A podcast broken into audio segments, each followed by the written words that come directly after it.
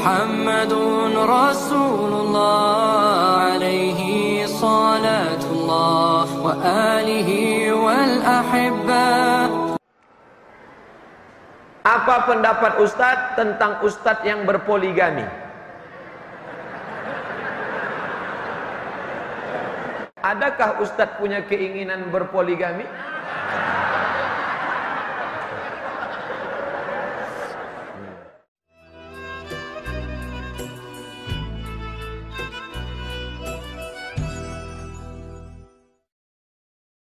Assalamualaikum warahmatullahi wabarakatuh.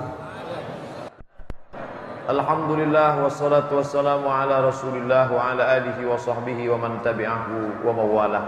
Yang sama-sama kita hormati Bapak Bupati, Bapak Wakil Bupati, Bapak-bapak, ibu-ibu hadirin hadirat yang dimuliakan Allah Subhanahu wa taala. Saya ada waktu untuk menjawab ini sampai pukul 4.15. Sementara kertasnya setebal skripsi. Jadi saya mohon maaf yang bisa terjawab kita jawab, yang tidak mungkin terjawab di YouTube mungkin sudah terbahas. Jadi ini kehormatan kemuliaan apresiasi dari jamaah dari eh, Kabupaten Bintan insyaallah. Apakah maksud larangan memotong kuku mencukur bulu bagi orang yang berkurban? Idza ra'aitum hilala Dzulhijjah, kalau kalian melihat hilal bulan sabit Zulhijjah, wa arada ahadukum an yudhi, kemudian kalian mau berkurban, falyumsik an sya'rihi wa azfarihi, maka jangan potong kuku, jangan potong bulu sejak hari Selasa sore malam Rabu nanti karena Rabu 23 Agustus sudah masuk satu Zulhijjah. Jangan potong rambut, jangan potong kumis, jangan potong jenggot, jangan potong kuku. Hukum tidak memotong itu sunnah, bukan wajib. Sunnah, bukan rukun, bukan syarat, bukan wajib. Apa hikmah di balik itu? Kenapa? Apa alasannya?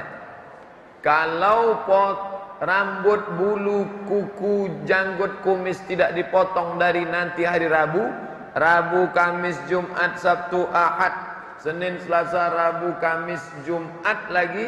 Maka selesai nanti sholat id Barulah motong. Setelah dipotong hewan kurban Barulah potong kuku Barulah potong kumis Barulah rapikan jenggot Barulah rapikan rambut. Maknanya apa? Ini terapi dari Nabi SAW Suasana baru Kuku baru Kumis baru Jenggot baru Rambut baru. Orang kalau habis pangkas itu kan fresh Selama 10 hari ini kuku bertambah, mulai tumbuh, mulai kacau balau. Setelah memotong, maka dia suasana baru. Ini terapi dari Nabi sallallahu alaihi wasallam. Laksanakan sunnah baik. Tapi bagi ada orang yang motong kuku, kurbannya tetap sah karena hukumnya sunnah, bukan wajib.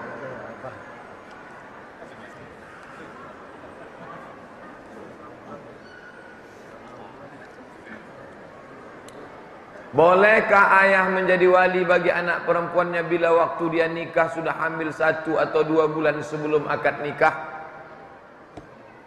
Buka kitab Al-Fiqhul Islami wa Adillatuh Syekh Wahbah Zuhaili Kalau ada laki-laki menikahi perempuan hamil Baik sebulan, dua bulan, tiga bulan, enam bulan, tujuh bulan, beberapa bulan pun Kalau nanti nikah, nikahnya sah, tak ada masalah yang jadi masalah setelah anak lahir muncul empat masalah. Pertama, anak yang lahir itu tidak boleh pakai bin binti bapaknya. Yang kedua, kalau anak lahir laki-laki maka anak laki-laki itu tidak bisa jadi wali bagi adik-adiknya nanti yang perempuan. Karena mereka bukan saudara seayah tapi saudara seibu. Saudara seibu tak bisa jadi wali.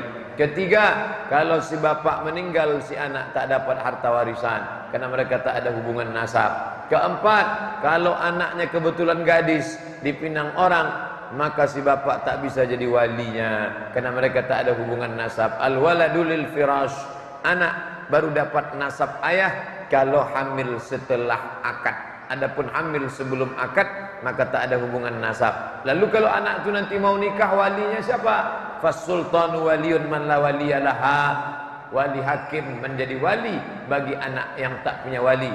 Maka pak kualah walinya nanti kalau mau menikah. Apa hukumnya orang cari kerja dengan menyogok Kemudian gaji hasil dia terima setiap bulan? Bagaimana haram atau tak haram? Sogok terbagi dua. Harap dengar baik-baik Jangan nanti keluar fitnah Ustadz Somad menghalalkan sogok Sogok yang pertama Penerimaan PNS guru Syarat honorer 5 tahun 2. Ijazah FKIP 3. IP 3,7 dia sudah honorer 5 tahun, ijazahnya memang FKIP dan IP-nya 3,7. Ketika dia datang ke Diknas, Pak, ini syarat-syarat saya cukup syarat. Kata orang Diknas, wani piro. Saat itu dia mereka menuntut, kasih 50 juta. Maka kalau dia bayar 50 juta, maka dia tidak makan uang haram. Kenapa? Karena dia cukup syarat. Hanya saja si penerima ini yang zolim dia tak berdosa. Si penerima ini yang zalim. Nah, ini model pertama. Model kedua yang haram itu gajinya haram, SPPD-nya haram, uang tunjangannya haram, uang tunjang, uang sikut, uang tanduk, uang sipak haram semua. Mana modelnya? Penerimaan PNS honorer 5 tahun, IP 3,7, nilai 3,7, ijazah FKIP. Tiba-tiba dia datang. IP-nya 2,0 dia pula sarjana teknik informatika bukan FKIP dan dia pula mengonornya baru 3 bulan. Tapi karena dia sogok 100 juta maka tiga-tiga tadi dia langgar dia ambil jatah orang yang lain maka saat itu dia sedang makan haram karena dia mengambil jatah orang lain. Ah, jadi nanti keluarnya mesti ingat. Kalau ingat baru ceritakan. Kalau tak ingat jangan cerita. Bagaimana hukum memberikan tanaman bunga di atas kuburan orang tua? Nabi mengambil pelepah korma, dipecahnya, disakau, dibelahnya dua, ditusukkannya ke makam ini, ditusukkannya ke makam ini. Ya Rasulullah, kenapa kau tusukkan ke makam ini? Makam ini sedang diazab. Kenapa? Yamsi bin Namimah membawa-bawa cakap. Cakap ia si A tentang si B dibawa oleh si C. Berkelahi si C dengan si A. Gara-gara mulut si B. Ditusukkan Nabi pelepah korma. Ini kenapa? Lam yastanzih. Lam yastabri. Maaf cakap. Kencing tak berbasuh. Maka ditusukkan Nabi pelepah korma. Kenapa pelepah korma? Karena ternyata makhluk-makhluk ini bertasbih pelepah korma bertasbih maka ringanlah orang tadi karena tasbihnya sampai komentar Imam Nawawi kalau tasbih pelepah korma sampai apalagi bacaan Quran orang beriman itu salah satu dalil baca Quran untuk orang mati nah sekarang dia tidak pelepah korma ditanamnya pokok sawit di atas ya tak apa-apa baik. Apa salahnya? Katanya dapat menggugurkan dosa Pak Ustaz. Bukan menggugurkan dosa. Pokok-pokok kayu itu bertasbih Tasbihnya turun kepada orang meninggal dunia.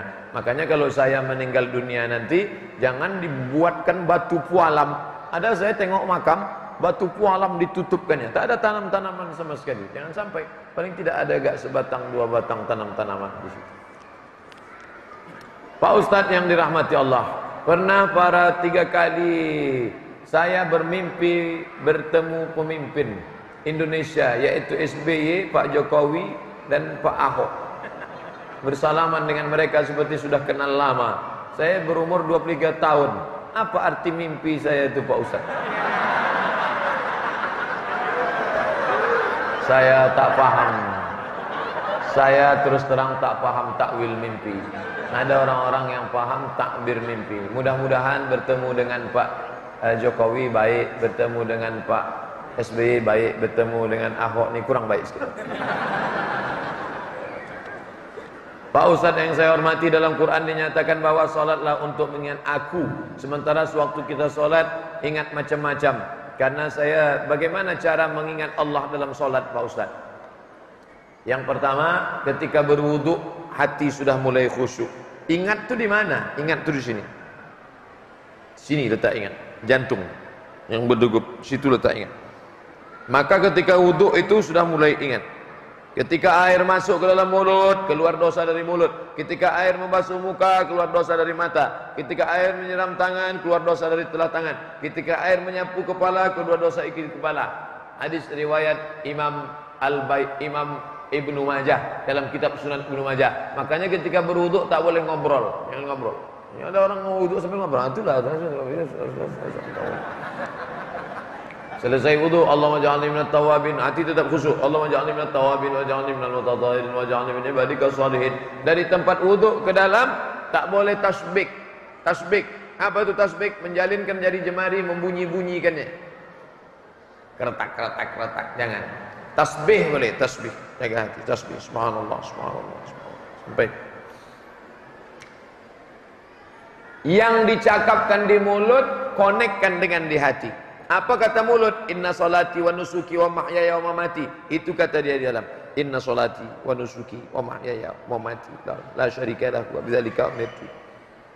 Saya tidak menyuruh ibu bapak menghafal bacaan. Inna salati salatku wa nusuki ibadahku wa mahyaya hidupku wa mamati matiku. Bukan menghafal. Pahami saja, ucapkan, connect ke hati. Makanya salat itu mulut bergerak. Ya Khabbab, ada sahabat Nabi namanya Khabbab Ibn Al-Ars. Ya Khabbab, ya. Nabi itu kalau sholat mulutnya bergerak atau tak bergerak? Kata Khabbab, Nabi itu kalau sholat mulutnya bergerak. Dari mana kau tahu Nabi mulutnya bergerak? Bittirabi lihiyatih. Karena aku tengok jenggotnya bergerak. Maka saya heran dengan orang sholat diam saja. Mulut bergerak. Bismillah. Alhamdulillah. Dengar tak suaranya? Hamsah dia agak-agak didengar telinga kita. Yang mendengarnya telinga kita, bukan telinga kawan sebelah.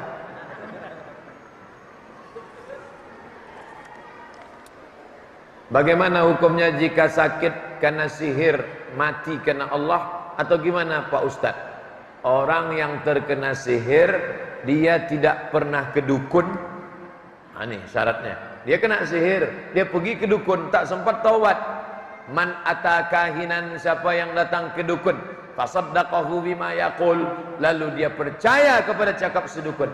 Falam tuqbal lahu salatun arba'ina lailah tak diterima salatnya 40 hari 40 malam. Hadis kedua. Man atakahinan au arrafan siapa yang datang ke dukun? Fasaddaqahu bima yaqul. Percaya dia pada cakap dukun falam faqad kafara bima unzila ala Muhammad. Kafirlah dia terhadap apa yang diturunkan kepada Sayyidina Muhammad. Oleh sebab itu sabar dia.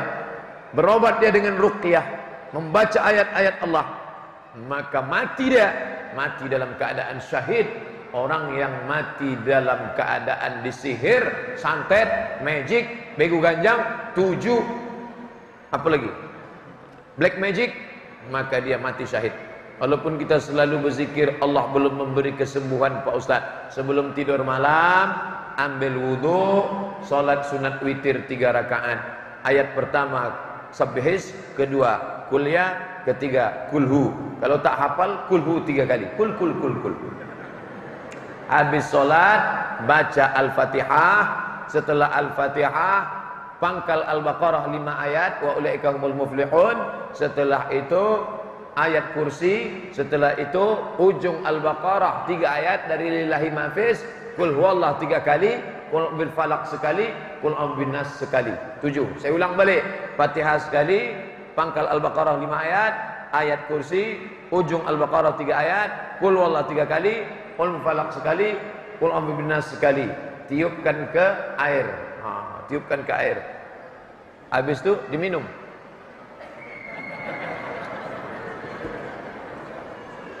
bisa juga ditiupkan ke ember besar dimandikan. Air yang sudah dibacakan tak boleh dipakai untuk cebok, harus habis mandi. Setelah dibacakan, ditiupkan ke tapak tangan. Sapukan ke muka, ke kepala, ke badan. Baru tidur malam. Sebelum tidur malam, sehabis maghrib, sehabis asar. Habis asar, habis maghrib, sebelum tidur malam. Sunnah Nabi Muhammad sallallahu alaihi wasallam. Bagaimana saat bulan puasa, habis berhubungan suami istri, bangunnya kesiangan. Apakah puasanya sah? Sah. Kalau niatnya sebelum azan subuh. Maaf-maaf cakap berhubungan dia jam 4. Habis itu dia tertidur. Setelah jam 5 setengah baru dia terbangun. Masuk dalam azan subuh dalam keadaan berhadas besar. Tapi niatnya sudah ada tadi. Sah. Tapi kalau tak ada niat puasa maka tak sah. Apa kelebihan Ikhwanul Muslimin sehingga Amerika Israel membenci Ikhwanul Muslimin? Ikhwanul Muslimin punya sistem politik, Ikhwanul Muslimin punya sistem tentara, Ikhwanul Muslimin punya sistem ekonomi. Tiga yang paling ditakuti orang. Politik, tentara, ekonomi. Hebat politik, tak ada tentara.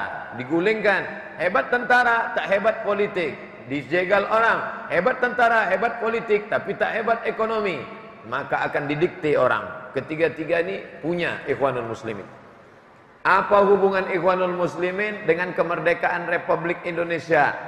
Presiden Soekarno mengutus menteri menjumpai pendiri ikhwanul muslimin, Imam Syahid Hasan Al-Banna langsung ke Kairo untuk mengucapkan terima kasih karena Hasan Al-Banna mewakili Ormas Ikhwanul Muslimin partai Islam waktu itu. Status Ikhwanul Muslimin waktu itu adalah partai Islam bekerja sama dengan rakyat Mesir untuk menyokong kemerdekaan Republik Indonesia. Gambar-gambarnya bisa dicari di internet. Ikhwanul Muslimin, Hasan Al-Banna, kemerdekaan Indonesia. Enter, dapat, download. Kalau sudah dapat, share, bagikan ke kawan-kawan. Sudah saya download kok nggak dapat Pak Ustadz? Paket habis.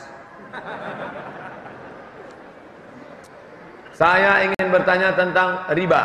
Sebuah keluarga kecil suami, istri dan anak.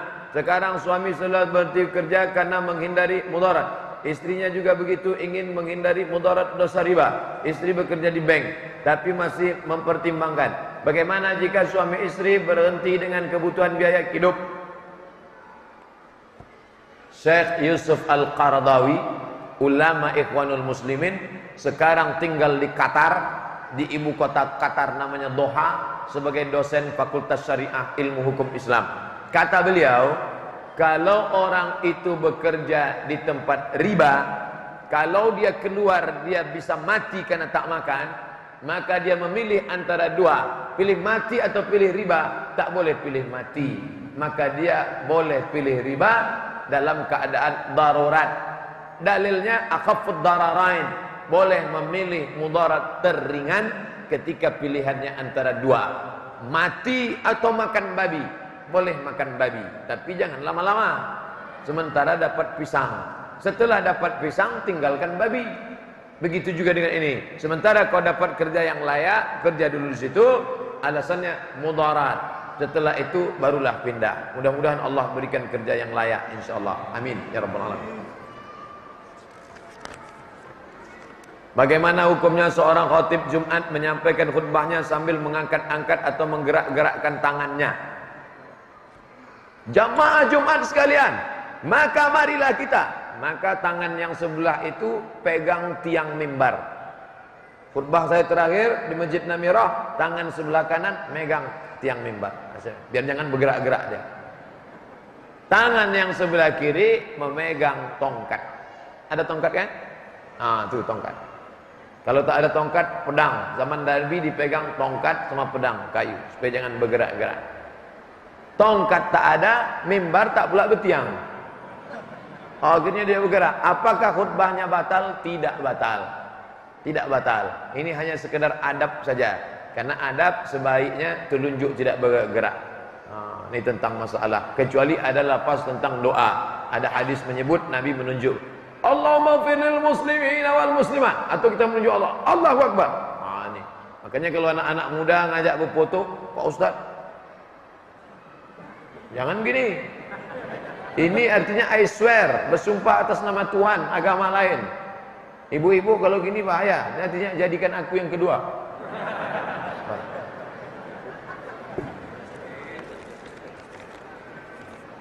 Pak Ustaz bagaimana pandangan Ustaz dengan Buya Gus Rizal Gazahar? Karena setiap saya ikuti pengajian beliau, baik langsung atau tak langsung, sering kali setelah saya bingung mau mengikuti pendapat yang mana. Buya Gus Rizal Azhar senior saya di Al-Azhar Mesir.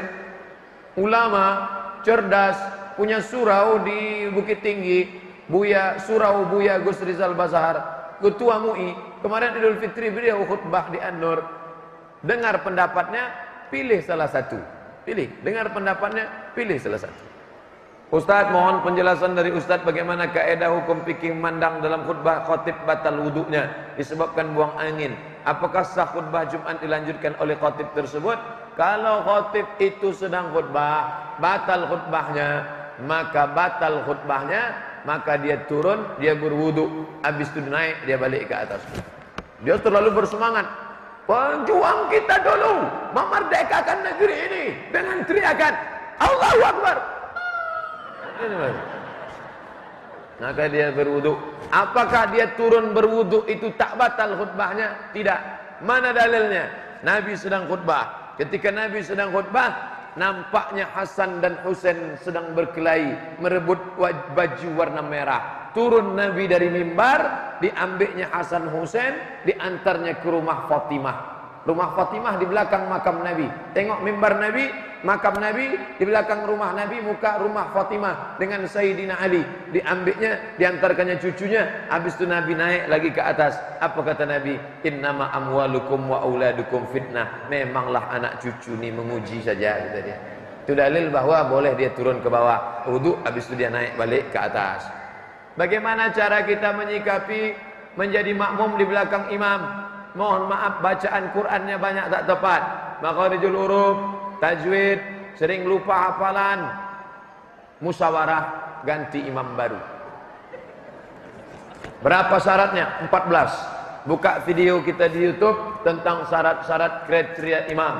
Berkumpul kita satu kabupaten Bintan. Siapa yang paling layak jadi imam? Ulil amri Pak Bupati jadi imam kalau Pak Bupati sibuk, siapa jadi imam? Imam ratib namanya. Imam ratib kalau di Pekanbaru imam paripurna. Bahasa kitanya imam tetap, diangkat satu imam tetap. Imam tetap sudah tak tepat lagi, diangkat imam baru. Bagaimana kriterianya? Akra'uhum wa afqahuhum. Yang paling banyak hafalannya, yang paling paham Al-Quran. Sampailah yang ke-14, 2, 3, 4 sampai 14. Yang ke-14 itu apa syaratnya? Yang sudah menikah nikah itu nomor 14 maka kalau ada anak pesantren bulan Ramadan imam tarawih hafal 30 juz. Banyak jamaah komplain ini imamnya udah nikah apa belum? Pak nikah itu nomor 14 dia memang belum nikah tapi Qurannya hafal 30 juz. Apa udah nikah tiga kali? Tak hafal-hafal dia. Ustaz, apa hukum memelihara burung? Nabi punya sahabat namanya Abu Umair. Abu Umair punya burung pipit. Bahasa Arabnya Nuhair.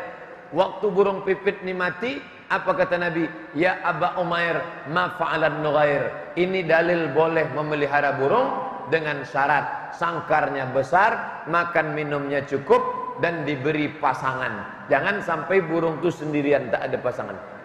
Menjerit dia tiap pagi. Bi bi bi Ah, bapak tu mantap. Ah, ah. Padahal orang sedang berteriak minta nikah. Buat sarang besar, kasih makan, kasih minum, ada kolam, ada pokok kayu di dalam, am, kasih berpasang-pasangan dia di dalam. Kalau burung tu ramai, ada satu yang galak mencotok-cotok, tarik. Karena kalau tidak dia teraniaya di dalam. Apakah masuk surga itu setelah ditimbang amal hari kiamat atau sekarang udah ada yang masuk surga sebelum?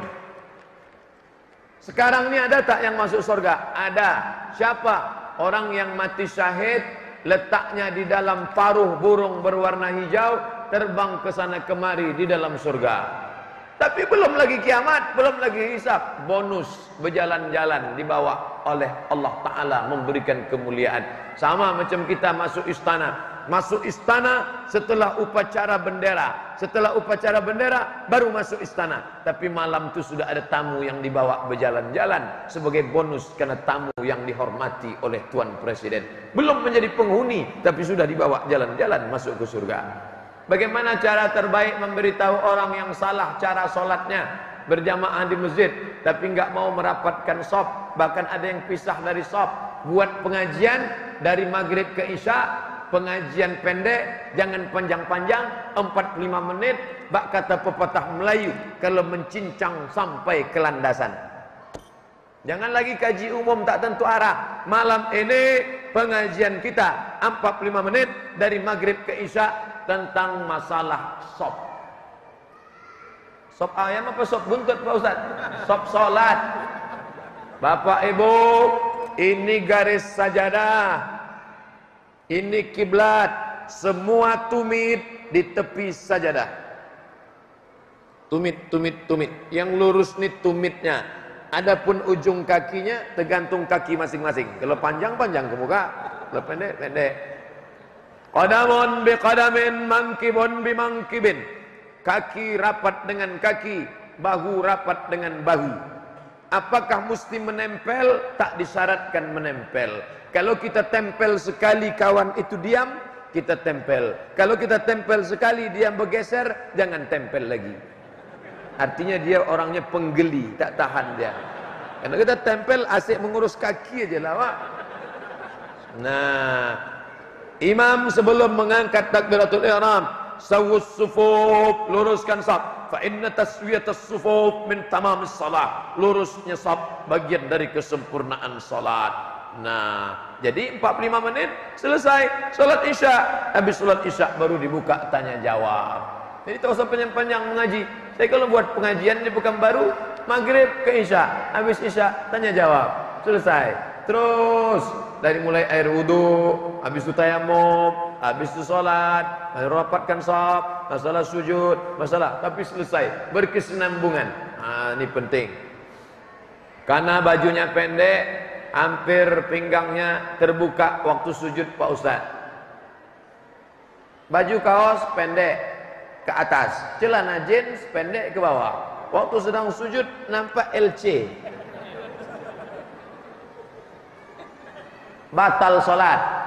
Laki-laki yang solat terbuka auratnya, perempuan yang solat terbuka auratnya, maka solatnya batal. Solat yang batal mesti diulang. Solat yang diulang namanya solat i'adah. Solat itu tiga. Usolli fardal asri arba'a raka'atin adaan. Usolli fardal asri arba'a raka'atin qadaan. Usolli fardal asri arba'a raka'atin i'adatan. Orang yang mengulang solatnya tadi namanya solat i'adah. Siaran ulang karena batal. Oh, udah empat, udah empat tiga belas. Banyak lagi nih. Hah? Setengah lima. Saat salam membalikkan tapak tangan.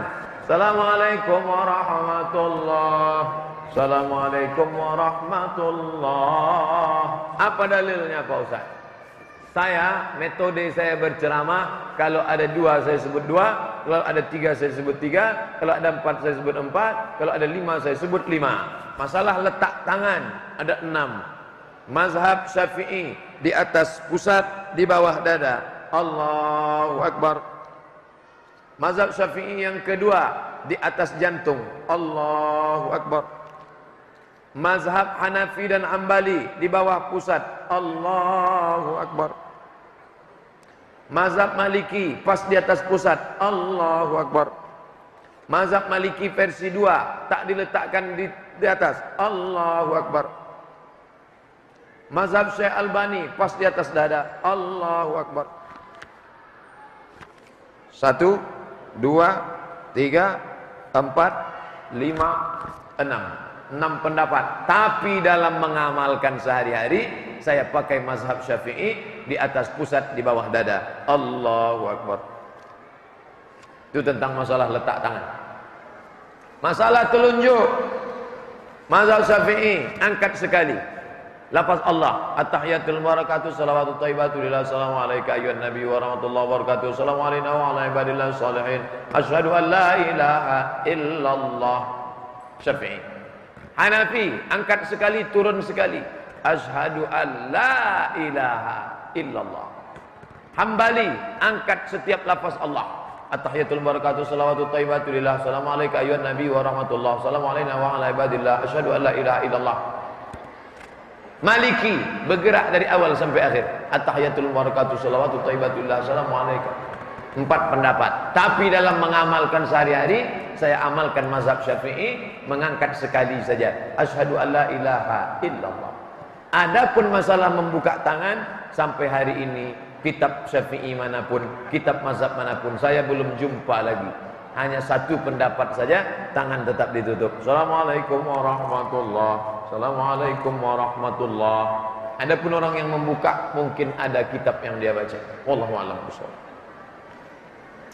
Mohon penjelasan tentang zina mata Pak Ustaz.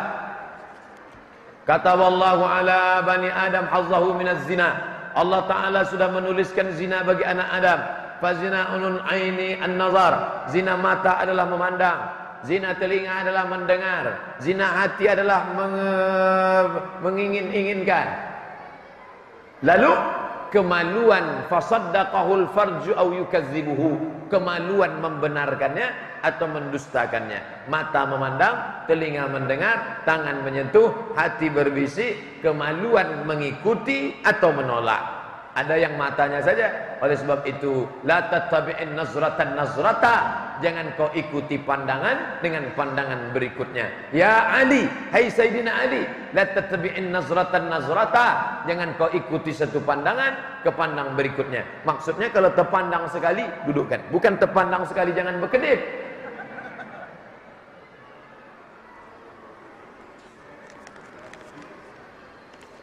Apakah boleh kita seorang muslim mempelajari mengamalkan ilmu tenaga dalam? Tenaga dalam yang model bagaimana? Tenaga dalam pakai silat batin, ambil kemenyan dengan kembang tujuh rupa, dimandikan pakai limau, setelah itu mantra-mantra masuk. Itu bukan tenaga dalam, jin dimasukkan ke dalam. Setelah disalam oleh tuan guru tadi, bisa melompat naik. Mau pesan request jurus apa? Jurus monyet, melompat macam monyet. Jurus harimau, mencakar macam harimau. Maka itu bukan tenaga dalam, jin yang dimasukkan ke dalam badan. Bagi yang sudah pernah menuntut macam ini, segera datangi ustadz yang pandai ruqyah supaya jinnya dikeluarkan dari dalam badan. Jin terbagi dua, satu jin korin. Ketika saya lahir, ada jin yang ikut sama saya. Saya mati, dia tak mati, dia tetap hidup. Itu jin korin. Jelas kerjanya, mengganggu saya. Ada satu lagi jin yang tak jelas. Di tepi-tepi jalan, di warung-warung. Itu namanya jin non-job. Ah, inilah yang dipanggil oleh dukun-dukun tadi. Kau mau kerja? Apa kerjanya? Ah, ini ku masukkan kau ke sini pandai ini. Hati-hati, jangan sampai anak-anak lajang kita ikut guru silat yang pakai jin. Kalau dia pakai celana jin, Pak Ustaz, tak apa-apa. Asal jangan berlubang lah. Apa hukum mengkodok salat yang sudah ditinggalkan puluhan tahun lalu? Bolehkah mengkodok salat di waktu yang diharamkan? Sembayang yang tinggal lama-lama dulu, mesti dikodok.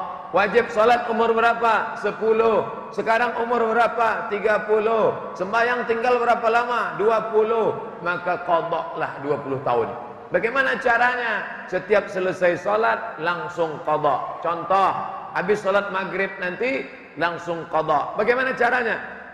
Usalli fardal maghribi salasa raka'atin qada'an. Habis isya, usalli fardal isya arba'a raka'atin qada'an. Berapa lama? Qada 2017, lunas 2037. 20 tahun tinggal. Bagaimana dengan habis asar dengan habis subuh? Bolehkah langsung kodok? Boleh. Tapi ini waktu terlarang, haram solat. Haram solat kalau tak ada sebab. Kalau ada sebabnya boleh. Sebab ada orang mati, solat jenazah setelah asar. Boleh. Sebab masuk masjid, habis asar masuk masjid. Solat apa? Tahiyatul masjid. Boleh. Sebab kodok. Yang tak boleh, solat sunat mutlak. Solat tak ada sebab, baru tak boleh. Haram. Apabila anak perempuan telah lahir, bolehkah kita kurban atas nama anak perempuan tersebut sedangkan anak tersebut belum diakikahkan? Mana yang lebih dulu, kurban atau akikah? Tengok hari keberapa. Kebetulan anaknya lahir semalam. Semalam anaknya lahir. Hari Ahad. Senin, Selasa, Rabu, Kamis, Jumat Sabtu Ahad maka hari Ahad nanti langsung akikah. Karena akikah yang lebih dulu. Ambil duit 2 juta setengah belikan kambing. Akikah. Nah kebetulan anaknya lahir tanggal 3 4, 5, 6, 7, 8, 9, 10 pas tanggal 10 akikah apa kurban? Kurban tanggal 10 otomatis dapat akikah Bagi yang hamil, coba setting lahir tanggal 3. Nanti pas tanggal 10 langsung kurban. Maka langsung kurban automatically langsung dapat akikah. Nah, sekarang masih hamil Pak Ustaz. Terus anaknya lahir pas malam takbiran. Allahu Akbar. Allahu Akbar. Akikah apa kurban? Kurban. Karena akikah belum masuk. Kurban dulu. Tapi nanti setelah tujuh hari ada duit. Baru akikah. Bapak ibu sekarang umur berapa? 30. Sudah akikah? Belum. Mana yang duluan? Kurban. Karena akikah kita itu tanggung jawab ayah kita. Bukan tanggung jawab kita. Kita kurban tanggung jawab diri kita terhadap diri kita. Ada duit, kurban. Tapi nanti setelah kurban ada duit 2 juta setengah, beli kambing, akikahkan diri sendiri. Boleh. Baca buku saya 37 masalah populer, download dari Play Store gratis. Boleh mengakikahkan diri setelah dewasa. Tapi kalau umur 30 40 akikah saja. Jangan minta ayun pakai marhaban.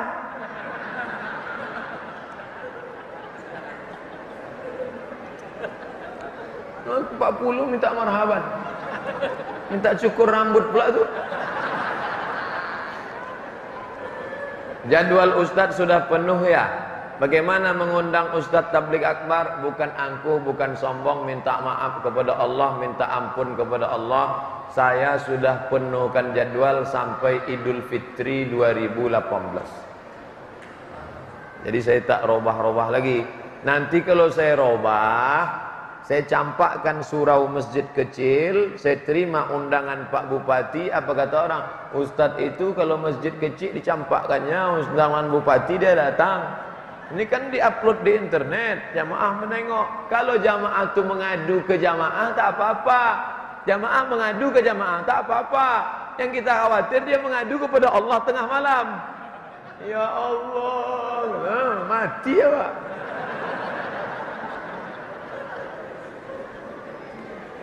Ustadz, bagaimana caranya kita bersahabat dengan salafi wahabi? Mereka kerap kali bersama-sama kami dalam pelaksanaan ibadah yang sepaham. Tapi dalam perbedaan mereka terkadang memaksanya. Salafi ini dia tidak selevel. Ada yang level kelas ekonomi, ada VIP, ada VVIP.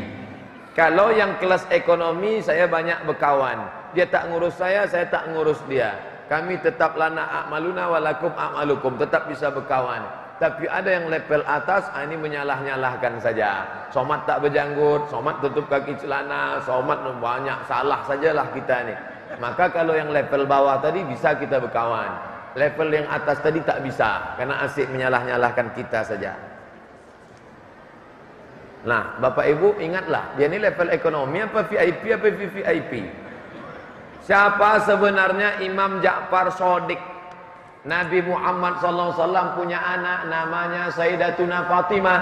Fatimah punya anak namanya Sayyidina Al-Husain. Husain punya anak namanya Imam Zainal Abidin. Zainal Abidin punya anak namanya Muhammad Bakir. Muhammad Bakir punya anak namanya Imam Ja'far Sodik. Ulang balik Pak Ustaz, tak ingat lagi. Nabi Muhammad punya anak namanya Fatimah, Fatimah punya anak namanya Husain, Husain punya anak namanya Zainal Abidin, Zainal Abidin namanya Muhammad Bakir, Muhammad Bakir punya anak namanya Ja'far Sodik, Ja'far Sodik punya murid namanya Imam Hanafi. Imam Hanafi murid Ja'far Sodik. Ya.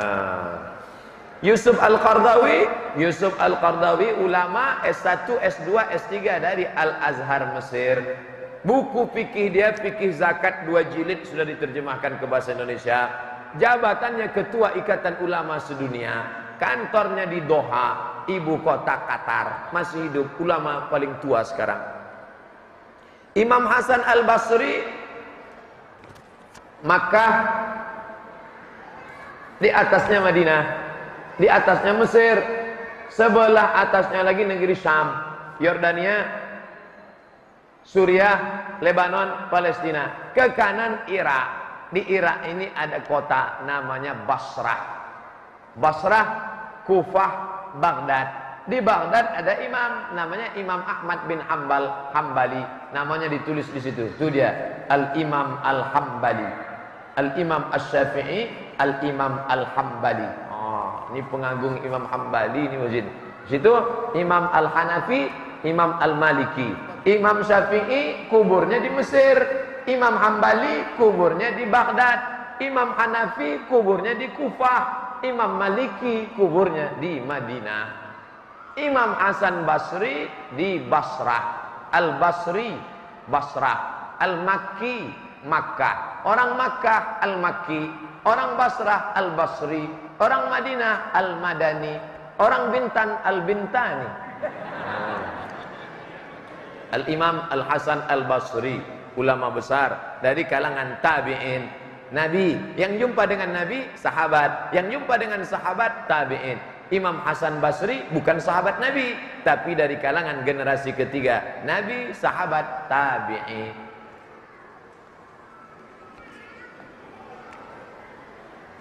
Apa pendapat Ustadz tentang Ustadz yang berpoligami?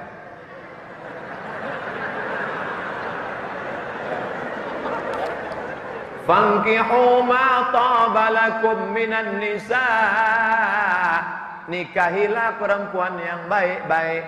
Berapa orang? Masna wasulasa waruba. Tak ada nyuruh bini satu.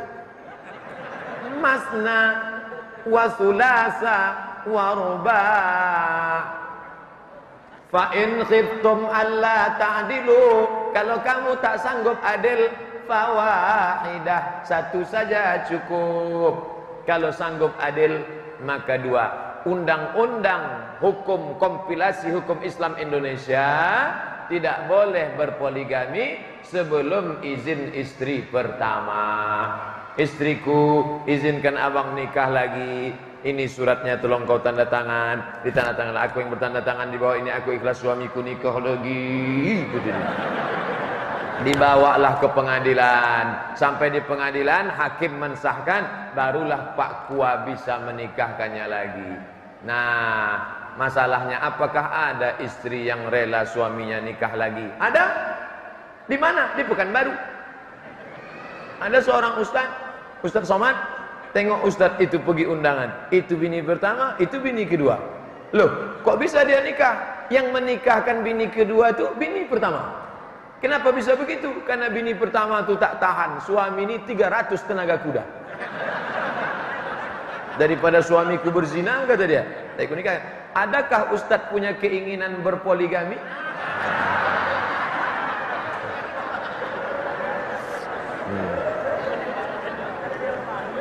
Niat ada belum sampai lagi. Enggak, tak ada bercanda. Satu aja ditinggal-tinggal, lagi. Siapa sebenarnya yang harus dipanggil Habib? Hub cinta. Habib orang yang ku cinta. Kalau laki-laki ya Habibi. Kalau perempuan ya Habibati. Sayang kepada Nabi Muhammad SAW Sayang kepada cucunya Sayyidina Al-Hasan wal Husain.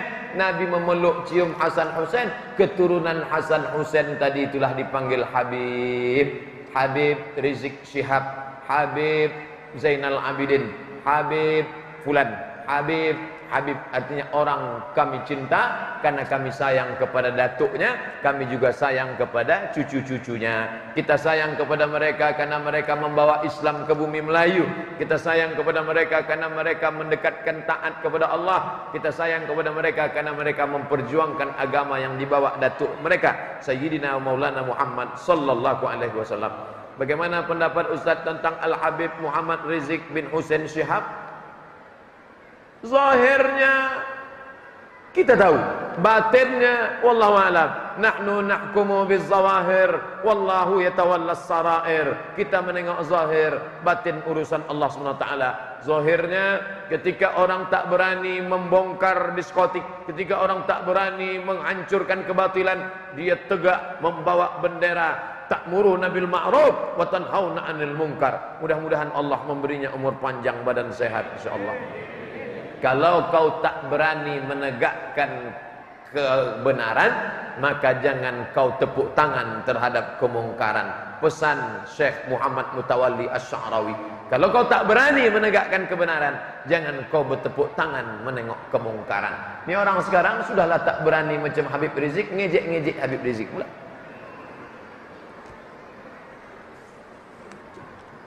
Siapa sebenarnya Raja Salman?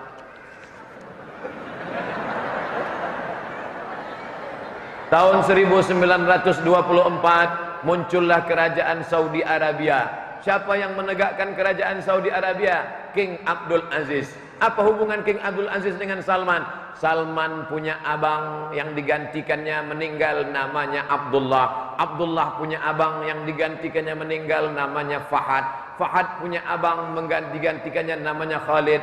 Khalid punya abang yang digantikannya namanya Faisal. Faisal punya abang yang digantikannya namanya Su'ud. Su'ud punya ayah yang digantikannya. Itulah dia King Abdul Aziz. Sekarang raja yang ketujuh. Kalau Salman ini meninggal akan digantikan oleh adiknya Naif bin Abdul Aziz. Kalau Naif nanti meninggal akan digantikan oleh cucu Abdul Aziz yaitu Pangeran Muhammad bin Salman bin Abdul Aziz. Kenapa Ustaz ingat? Itu aja isi ceramah saya tiap hari. Siapa sebab? Ha? Habis waktu. Ah, habis waktu kita. Nanti kita di mana lah bisa kita sambung yang banyak ini. InsyaAllah saya bawa ni balik Nanti kita buatkan video. Ha, Saya bawa ni balik Nanti saya buatkan video tanya jawab yang tertunda oleh-oleh dari Bintan. Ini saya masukkan ke plastik Nanti saya bawa ke rumah. Saya bilang sama orang di rumah Apa tu? Oleh-oleh dari Bintan. Tengok terbuatkan videonya insyaallah. Terima kasih. Mohon maaf banyak silap salah. Assalamualaikum warahmatullahi wabarakatuh.